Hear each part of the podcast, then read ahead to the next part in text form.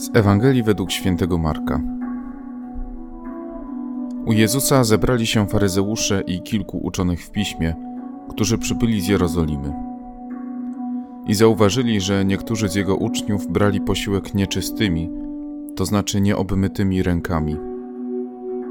Faryzeusze bowiem i w ogóle Żydzi, trzymając się tradycji starszych, nie jedzą, jeśli sobie rąk nie obmyją, rozluźniając pięść i gdy wrócą z rynku nie jedzą, dopóki się nie obmyją.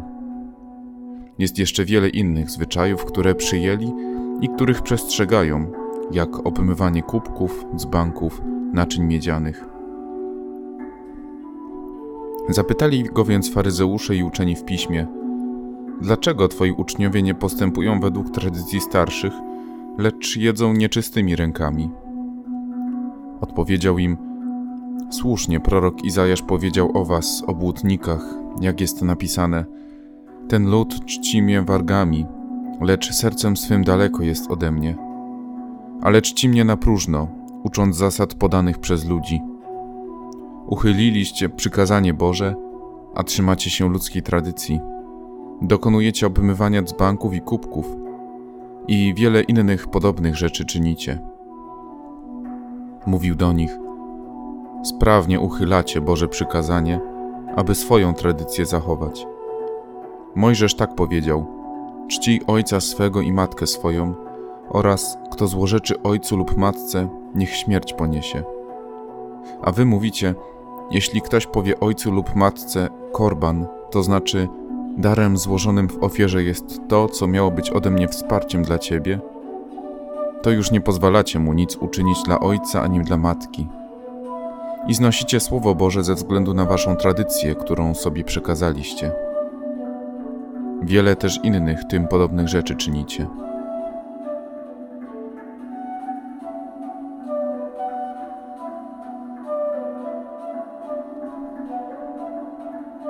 Wiara to nie religia.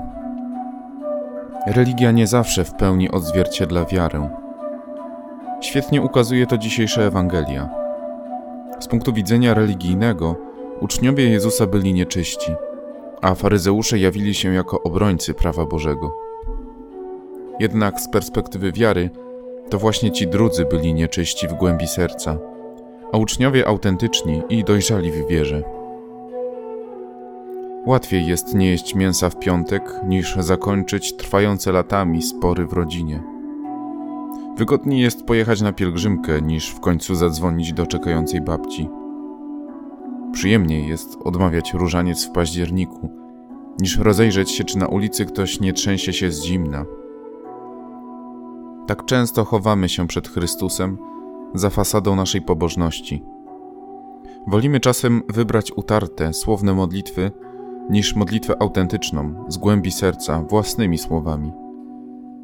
Zdarza się nam zagadywać Jezusa litanią naszych potrzeb i próśb, niż po prostu patrzeć na Niego w milczeniu i uważnie słuchać tego, co chce nam powiedzieć. Wydaje nam się nieraz, że spotkaliśmy Chrystusa na modlitwie, a tym razem nic ten czas nie zmienił w naszym życiu, lecz spotkaliśmy się tylko z krzywym zwierciadłem, w żadnym stopniu nie przypominającym prawdziwego Boga. Możemy mieć tylko zgubny, święty spokój, że byłem w kościele, pomodliłem się i jestem ok.